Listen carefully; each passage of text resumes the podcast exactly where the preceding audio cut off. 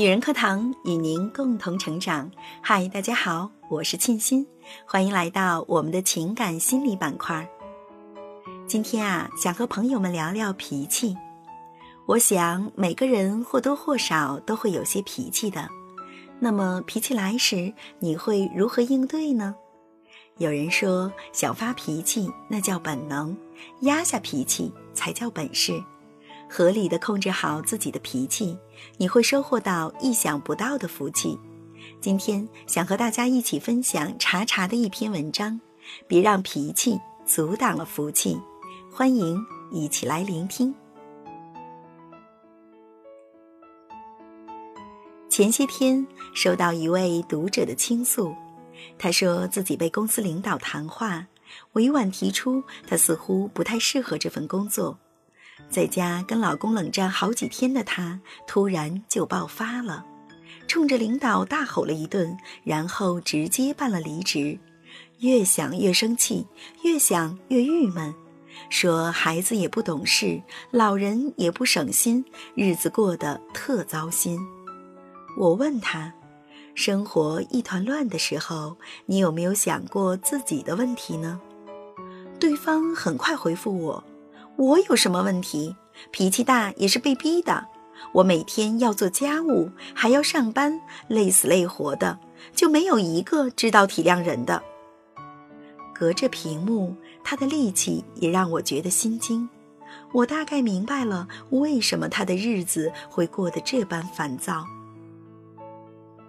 人的脾气越大，福气就越少。总是看他人的短处，挑他人的毛病。却从不反思自身，这样的人很难知足幸福。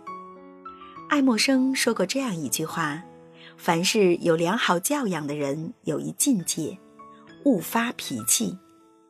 人有七情六欲，难免会有生气的时候，但可贵的是，在生气的时候关照自己的内心，找到生气的源头，并冷静化解它。”才不至于使自己陷入负能量的怪圈。我们总是容易把亲切给了陌生人，却把苛责留给了最亲密的人。其实这是很傻的行为。你与那些你在乎的人和事生气，并不会让事情有任何好转，反而会因为你的口不择言，伤害到那些同样在乎着你的人。脾气来了，福气就走了。要留住福气，得先控制脾气。老话讲：“家和万事兴。”后半辈子别让脾气阻挡了福气。记得小区里有两位让我印象深刻的老奶奶，年龄相仿，都快七十的年纪，心态却截然不同。一位面相和蔼慈祥，待人做事都特别温柔。记忆中从未听他和别人高声争执，邻里提起他也是赞不绝口，说他好脾气有教养。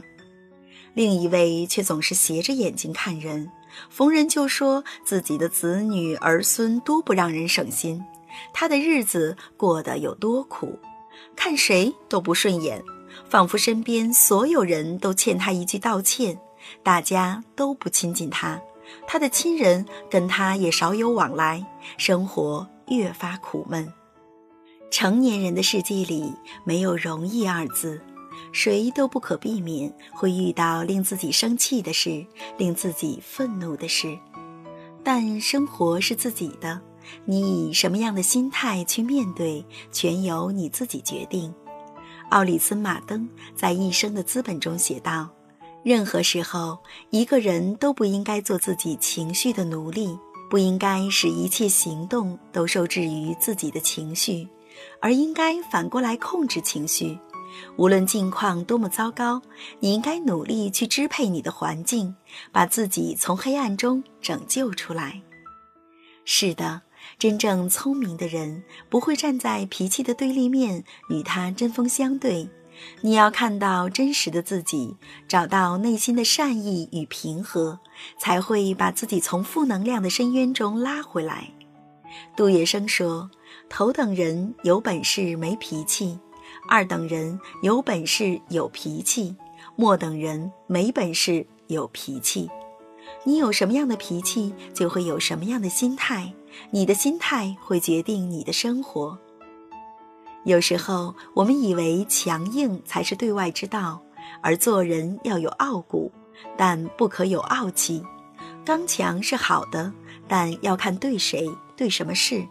人的一生就是在不断的修行，我们终会发现，真实的自我永远是柔软而平和的。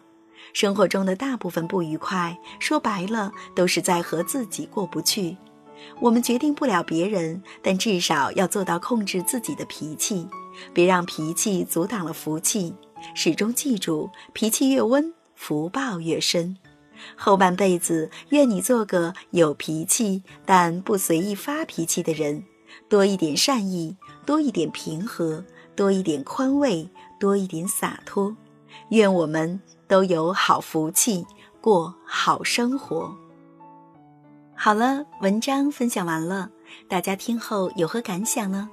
好脾气既可养生，又可养心。当我们拥有了好脾气，才可能拥有感恩，拥有满足，拥有幸福的可能。所以，别让脾气阻挡了福气哦。始终记住，脾气越温，福气越深。这里是女人课堂。如果您喜欢我们的节目，欢迎您给我们留言或点赞。